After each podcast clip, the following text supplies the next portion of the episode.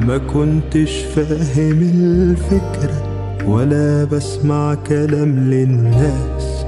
داخلها بصدري مش عارف أهي أيام دايس وخلاص ما كنتش حاسب الخطوة ولا إن الدنيا شايلة آلام. وبنقص كل يوم حتة غريبة قسوة الأيام.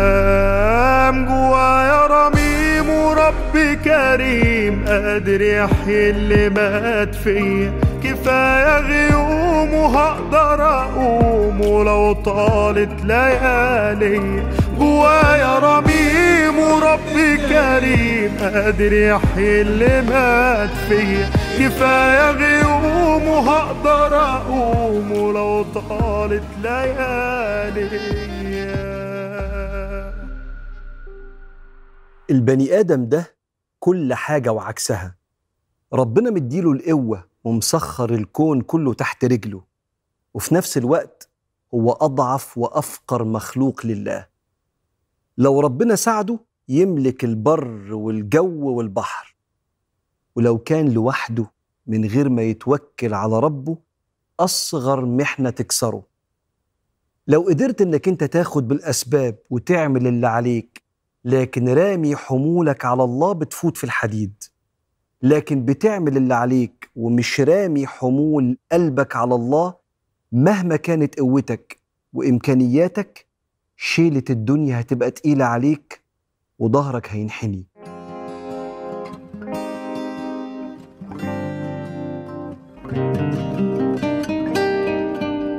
العلماء بيعرفوا التوكل إنه اعتماد القلب على الله مع الأخذ بالأسباب. فلو انت بتاخد بالأسباب وعامل اللي عليك وقلبك مش رامي حموله على ربنا شيلتك تقيلة قوي. والحياة هتبقى أقوى منك لأنك محتاج مدد ربنا.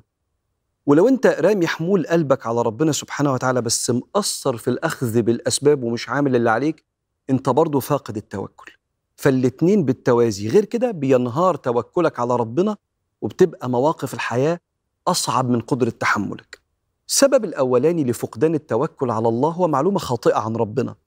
إن عيب تدخل ربنا في تفاصيل حياتك الصغيرة. وكأن ربنا أنا شايل الدعاء والتوكل ورمي حمولي عليه في المشاهد الكبيرة اللي في الرزق واللي في الصحة. أما الأنشطة اليومية فمش هطلب من ربنا حاجة. وسيدنا النبي يقول لك عكس كده. يقول ليسأل عليه الصلاة والسلام ليسأل أحدكم ربه حاجته كلها. حتى ليسأله شسع نعله إذا انقطع. زمان العرب كان يلبسوا النعال حاجة زي الشبش كده فوق سير ماسك الصوابع ويمشي مسافات في الصحراء الرملة فبيقول له ادعي إن الشبشب بتاعك ما يتقطعش عشان تعرف تروح مشوارك من غير معاناة. شايف التفصيلة الصغيرة دي؟ النبي قال لك ادعي بيها. فاكر لما ربك سبحانه وتعالى قال يا عبادي كلكم ضال إلا من هديت فاستهدوني أهدكم. أيوه الهداية دي حاجة كبيرة ندعي بيها. يا عبادي كلكم جائع. إلا من أطعمت فاستطعموني أطعمكم. ادعي إن ربنا يكرمك بلقمة هنية النهارده. يا عبادي كلكم عار إلا من كسوت فاستكسوني أكسكم. ادعي إنك تلاقي حاجة تليق عليك وتخلي شكلك جميل. إن الله جميل يحب الجمال. فادعي في الأكل والشرب واللبس والهداية. فاللي متربي على المفهوم الغلط ده مش هدخل ربنا في كل حاجة. عقله بيتبرمج إنه ما يدعيش. فيجي عند التفاصيل الكبيرة ينسى يرمى يرمي حموله على الله. من ضمن الحاجات الخفية اللي بتخلي الإنسان فاقد للتوكل على الله إنه يكون اتربى بالعقاب الشديد على نتائجه اللي مش حلوة دون النظر واحترام سعيه. يعني ذاكر وعمل اللي عليه أو اتمرن وحاول يجتهد في البطولة بتاعته. فلما جاب درجة مش حلوة أو خسر البطولة اتهان في البيت. فطلع ما بيقدرش السعي قوي وطلع النتائج عنده أهم. فما بقاش بيركز في الأخذ بالأسباب لما كبر لأن ما كانش بتثمن وتقدر. رغم إن ربك في القرآن بيقول إن الساعة آتية أكاد أخفيها لتجزى كل نفس بما تسعى. محاولتك متقدرة عند ربنا سبحانه وتعالى. من أسباب انعدام التوكل في القلب هو حصول بعض النتائج المحبطة في رحلة سعيك. وكنت أنت منتظر أن ربنا يتدخل بقدرته ويكافئك ويعينك دلوقتي. فيبدأ الشخص يستهون بفكرة اللجوء لربنا والاعتماد على ربنا ويغرق في الأخذ بالأسباب من غير ما قلبه يكون متعلق باختيار ربنا في توقيت الرزق كميته ووقته. عشان كده قال صلى الله عليه وسلم يستجاب لأحدكم ما لم يعجل. يقول دعوت فلم يستجب لي فيترك الدعاء. هو خلاص بقى فكرة يا رب كرمنا يا رب دي مبقتش موجودة. بقى مركز قوي في الأخذ بالأسباب. حلو. بس نص التوكل مهدوم في إلقاء الحمول على الملك الرزاق. ودايما ربنا بيمنعنا من اللي يأذينا ويدعو الإنسان بالشر دعاءه بالخير. وكان الإنسان عجولا استنى هيديك أكتر مما تمنيت بس في الوقت اللي يناسبك ما يأذيكش. آخر حاجة بتهدم التوكل في القلب هو تغليب المنطق. إن ربنا كأن يعني قلبي بيقول كده ما يقدرش يعمل اللي البشر ما يقدروش يعملوه. كأن ربنا محتاج للأسباب. فلو الأبواب اتقفلت طب يا جماعة منين يا جماعة؟ ما هتيجي إزاي يعني؟ مش كده ربنا ضرب لنا أمثلة في القرآن للأنبياء والصالحين وهم بيسألوا ربنا علمنا قدرتك مش إزاي هتعملها لأن إحنا مش مطمنين. قال رب أن يكون لي ولد وكانت امرأتي عاقرا وقد بلغت من الكبر عتية. سيدنا زكريا أنا مصدق ومتأكد بس يا رب علمني قدرتك. شايف الرد الرباني؟ قال كذلك قال ربك. كبير في السن الست عاقر كن فيكون. كذلك قال ربك هو علي هين وقد خلقتك من قبل ولم تك شيئا. فلما البني آدم يستعيد أسباب انعدام التوكل دي في حياتك أقف. وتعالى مع بعض في رحلة ترميم وإعادة بناء التوكل في القلب.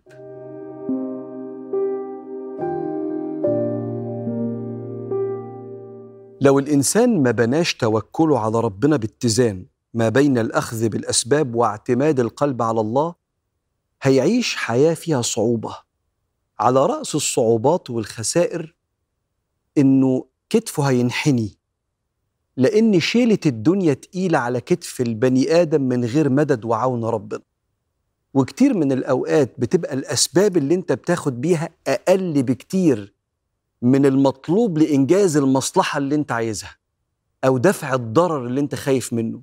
فانت محتاج عون ربنا وقدرته معاك. لو مش قادر توازن ما بين الأخذ بالأسباب واعتماد القلب وطمأنينة القلب لعون ربنا الدنيا هتكسر كتفك. عشان كده لما الصحابة انهزموا في غزوة أحد وبعدين روحوا وهم مقتول منهم سبعين واحد ومجروح منهم سبعين واحد والنبي عليه الصلاة والسلام عرف إن لسه جيش المشركين موجود أم خارج لهم في غزوة اسمها حمراء الأسد. خرج لهم علشان تبقى آخر لقطة في المعركة إن إحنا لسه بقوتنا. فاتقال لسيدنا النبي عليه الصلاة والسلام والصحابة إن جيش المشركين بدأ يلم نفسه تاني ويستعين بالقبائل عشان يهجم عليكم يفنيكم. طب ده إحنا لسه الجيش بتاعنا مكسور وإحنا أصلا الجيش بتاعنا كان تقريبا أقل من تلت جيش المشركين. بنحارب وإحنا في قمة الإصابة. وكمان الجيش ده هيجي عشان يفنينا جيش المشركين الذين قال لهم الناس. إن الناس قد جمعوا لكم فاخشوهم. بس إحنا عاملين اللي علينا. ومفيش حد فينا متخلف عن الحرب. ودي أكتر إمكانيات عندنا فإحنا جايبين الأسباب لآخرها. الذين قال لهم الناس إن الناس قد جمعوا لكم فاخشوهم فزادهم إيمانا. وقالوا حسبنا الله ونعم الوكيل. فانقلبوا بنعمة من الله وفضل لم يمسسهم سوء. واتبعوا رضوان الله والله ذو فضل عظيم. في بعض الأوقات القرش هيبقى صعب الشفاء هيبقى صعب. أي خطوة أنت محتاجها في الدنيا لا أنت محتاج تاخد بسببها وتقول يا رب أنت قادر بكون فيكون. وإلا تتقل قوي الدنيا على كتافك. الخسارة التانية للي توكله على ربنا منعدم حالة خصومة دفينة كده وزعل. كأن ربنا حاططنا في مواقف يعني بيختبرنا مثلا إحنا قدها ولا لأ وبيشوفنا وإحنا بنعاني. لا يا جماعة مش كده. ده ربنا قبل ما المواقف الصعبة بتنزل لطفه بينزل.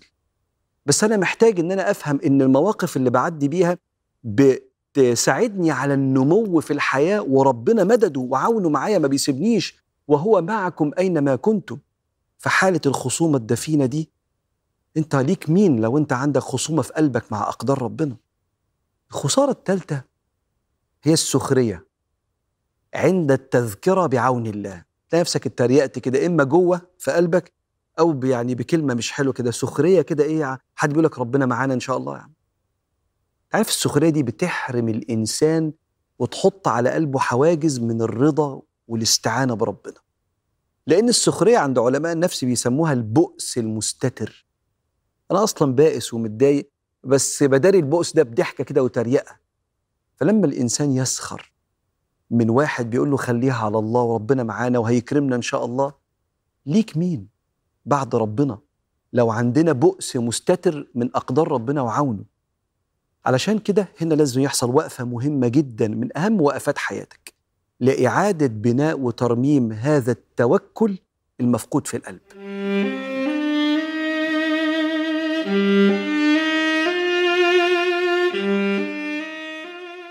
سيبها على الله. اللي بيرمي حموله لربه ربه بيرعاه. هو القادر واللي في إيده يسهل لك حالك ويعينك. افتكره في عز ما تبقى سعيد وافتكره كمان معقولة آه. البني آدم من غير ربه هيعيش مكسور. هو اللي بيخلق في الضلمة تفاصيل النور اطلب منه أقل الأشياء واشكره يديلك كيف ما تشاء. وتوكل على رب الدنيا وروح له هترجع راضي ومجبور. أبسط تفاصيل يومك دايما خليها على الله وادعي له. زعلان من حاجة ولو سهلة ارفع له إيديك واجري احكي له. الدعاء بيقرب ويخلي في عمار موصول في جلال الله من فوض امره لرب الناس الحاجة اللي طلبها تجيله حسابات الدنيا وأسبابها ما تقفش قصاد اللي خلقها. الحاجة اللي شايفها بعيدة ربك بسهولة يحققها. لا تفقد ثقتك في المولى علشان اللي طلبته اتأخر مش يمكن بيقيم صبرك على الدنيا وعلى تقل بلاءها. ربنا بيحبك وتأكد من لطفه اللي بيسبق شكواك. لو كان ربنا مش بيحبك من كل ما تتعب يبقى معاك. من كان وياك وسط الأزمات وإيديه كانت دايما بتشيلك. تفتكره وتدعي له بقلبك تلقى رحمته على طول سمعاك. الصح بجد إنك تسعى. وقلبك يتوكل وما يقنطش. لو همك زاد تدعي وتصبر وتكمل سعي وما تعيطش. اطمن من قلبك فعلا لنصيب الله اللي تملي جميل. في ناس غلطوا ويئسوا من الدعاء انت ما تغلطش. خد بالأسباب بس وسيبه.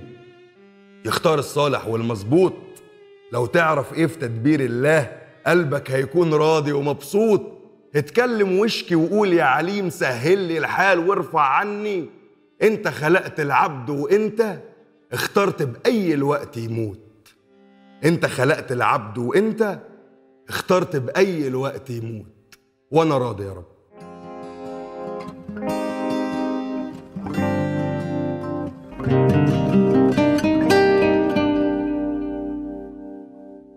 جوايا رميم وربي كريم قادر يحيي اللي مات فيا. كفاية غيوم وهقدر أقوم ولو طالت ليالي.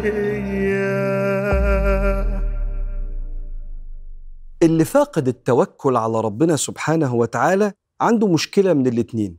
إما شايل الحمل لوحده على كتافه فبياخد بالأسباب ومش مقصر وعامل اللي عليه بس الشيلة تقيلة لأن محتاج إن قلبه يرمي الحمول على الله. وإما واحد رامي حموله على ربنا وسايبها على الله بس مقصر قوي في إنه يعمل مجهود وياخد بالأسباب. الاتنين محتاجين يضموا على بعض كده ويبقوا ماشيين بالتوازي اعتماد القلب على الله مع الأخذ بالأسباب. عشان تعيد بناء بقى التوكل ده هقول لك على كذا خطوة. الخطوة الأولانية تحمل ألم الترقب وأنت متوكل. بعضنا موضوع التوكل ده مش في باله ليه؟ لأنه مش عارف يحدد هو أنا متوكل على الله ولا لأ. بس أنا متألم وخايف. مثلا واحدة عندها عملية كبيرة فتبقى خايفة فيقولوا لها توكلي على الله. فتش فاهمة هي رامية حمولها على ربنا. بس لو أنا رامي حمولي على ربنا إزاي أبقى خايف؟ وأنا مثلا عندي انترفيو بكرة أو داخل في شغلانة معينة ولو الشغلانة دي ما مشيتش ممكن أفقد جزء كبير من تحويشة العمر. وأنا كده متوكل ولا لأ؟ ما دام أنت بتاخد بالأسباب وبتدعي وبتقول يا رب تبقى متوكل. تحمل الألم اللي جوه التوكل ده. أنهي ألم؟ الألم البشري. الألم اللي فيه فقر إلى الله سبحانه وتعالى وبيدفعك أصلا للشغل والدعاء. فاكر لما سيدنا إبراهيم ساب ستنا هاجر وسيدنا إسماعيل وهو رضيع في أرض مكة لما كانت صحراء؟ فستنا هاجر بتقول له على, على فين؟ لأنه كان ربنا أمر أنه يروح للشام. فبتقول له يا إبراهيم أنت على فين؟ أنت هتسيبنا؟ آه الله أمرك بهذا فأشار برأسه النعم قالت إذا لن يضيعنا. فنظر سيدنا إبراهيم للمكان اللي ما فيهوش لا زرع ولا نقطة مية ودعا بص القلب اللي ملوش غير ربنا. قال رب إني أسكنت من ذريتي بواد غير ذي زرع عند بيتك المحرم. ربنا ليقيموا الصلاة. خايف على ابنه وعلى مراته. ربنا ليقيموا الصلاة فاجعل أفئدة من الناس تهوي إليهم. وارزقهم من الثمرات لعلهم يشكرون. اسمع الآية اللي جاية. ربنا إنك تعلم ما نخفي وما نعلن. اللي في قلبي من حبي وخوفي على ابني الرضيع وعلى مراتي أنت أعلم بيه يا رب. خد بإيدينا وارزقنا يا رب. طبعا الخيرات كلها جت بعد الدعوة دي بس شيء طبيعي وأنت متوكل على الله إن يكون في هزة في القلب اتحملها. بتحملك ده هتحافظ على التوكل في قلبك وما تشكش في نفسك. الشيء التاني فعل تعيد بيه بناء توكلك على الله. فهمك للمعادلة أن التوكل سعي باجتهاد واعتماد القلب على الله زائد تفويض النتائج. لما تعمل التلاتة دول أنت بتحقق التوكل. بس ركز في موضوع السعي ده. خبط على كل الأبواب بالذات لو داخل في شغلانة أو واحد بيدور على عروسة. أو واحدة بتستخير ربنا سبحانه وتعالى فبتسأل على عريس بيتقدم لها خبط على كل الأبواب اللي تقول لنفسك أنا حاطط دماغي على المخدة بالليل عملت اللي عليا. آخر حاجة يساعدك جدا على استقرار التوكل على الله في قلبك وبنائه لو كنت فقده هو مواظبتك على أذكار التوكل اللي سيدنا النبي كان بيواظب عليها. سيدنا رسول الله عليه الصلاة والسلام كان بيواظب على أدعية فيها معنى ماليش غيرك يا رب. خد بايدي يا رب ساعدني يا رب. فكانت بتصاحبه مع اخذه بالأسباب. فمثلا وانت خارج من البيت ما تنساش. تقول بسم الله توكلت على الله ولا حول ولا قوة إلا بالله. فيقال لك كفيت وهديت ووقيت وتنحى عنك الشيطان. مش أنت عايز ربنا يفتح عليك ويبقى يوم كله رزق وتيسير؟ قول بس الذكر ده وأنت خارج تسعى. فالسعي أهو مع اعتماد قلبك على ربنا. قول الذكر اللي النبي كان بيقوله في أذكار الصباح والمساء اللهم ما أصبح بي من نعمة أو بأحد من خلقك فمنك وحدك لا شريك لك فلك الحمد ولك الشكر. يا رب النعم دي حاجتك اكرمنا يا رب. اللهم إني أصبحت منك في نعمة وعافية وستر فأتم علي نعمتك وعافيتك وسترك في الدنيا والآخرة. كلها معاني فيها إلقاء الحمول على الله. بتقولها وأنت بتسعى بتقولها وأنت بتاخد بالأسباب. فبالتلاتة دول كأنك بتحط طوبة على طوبة كده لحماية وإعادة بناء التوكل في القلب واللي بيتوكل على ربنا ربنا بيكفيه لأن هو اللي قال ومن يتوكل على الله فهو حسبه.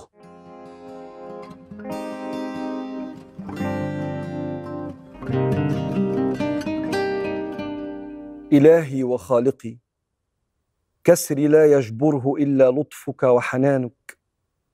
وفقري لا يغنيه إلا عطفك وإحسانك. مولاي إن كان قل زادي في المسير إليك فقد حسن ظني بالتوكل عليك. اللهم إنا أسلمنا أمورنا إليك فلا تخيب آمالنا فيك ولا اتكالنا عليك وخذ بنواصينا إليك واحملنا حمل الكرام عليك. يا رب الكفاية ويا صاحب العناية.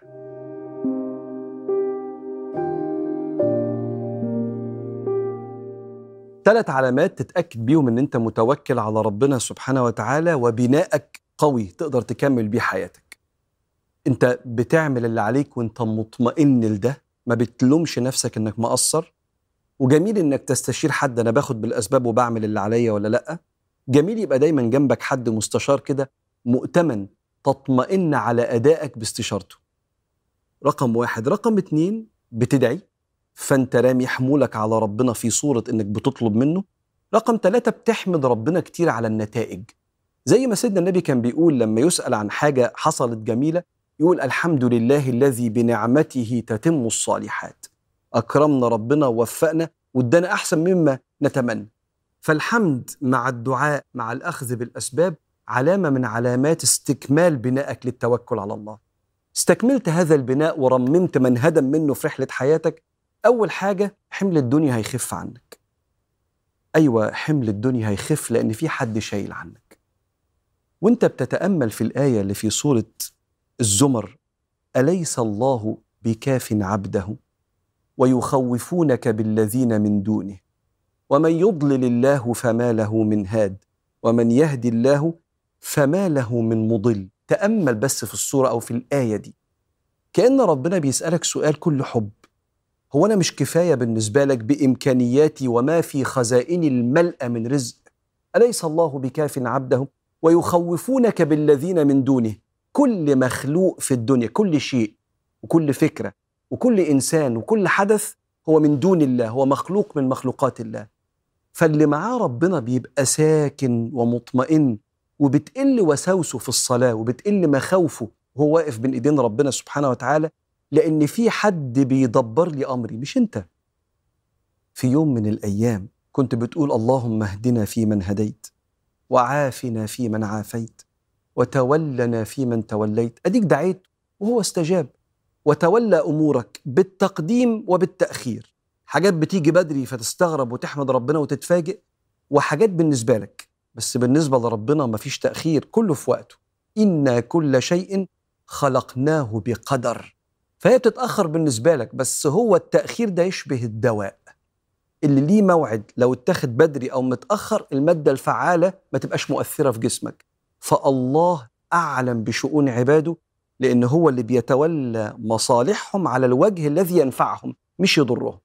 فلما تتوكل على الله حمل الدنيا بيخف. تاني حاجة بتحصل لك بيحصل لك تناغم تناغم تأقلم مع الضعف ومع تأخر الإنجازات والنعم. ليه؟ آه، براحته. لا يسأل عما يفعل وهم يسألون. ربنا ما نسألوش ليه؟ ربنا نشكره سبحانه وتعالى على حسن اختياره دائما. مش كده الأنبياء كان يقولوا في القرآن وما لنا ألا نتوكل على الله وقد هدانا سبلنا.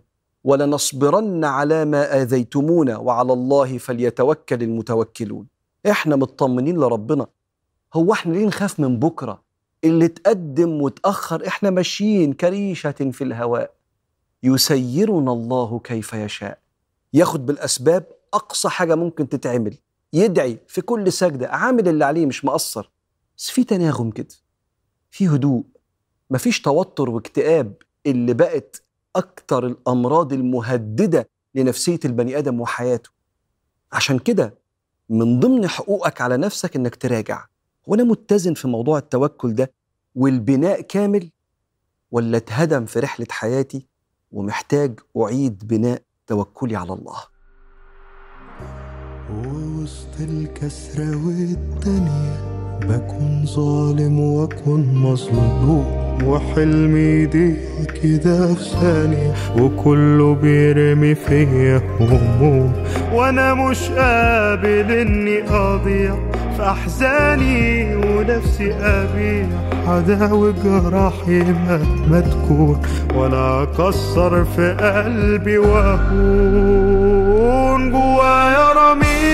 وربي كريم قادر يحيي اللي مات فيا كفاية غيوم وهقدر أقوم ولو طالت ليالي.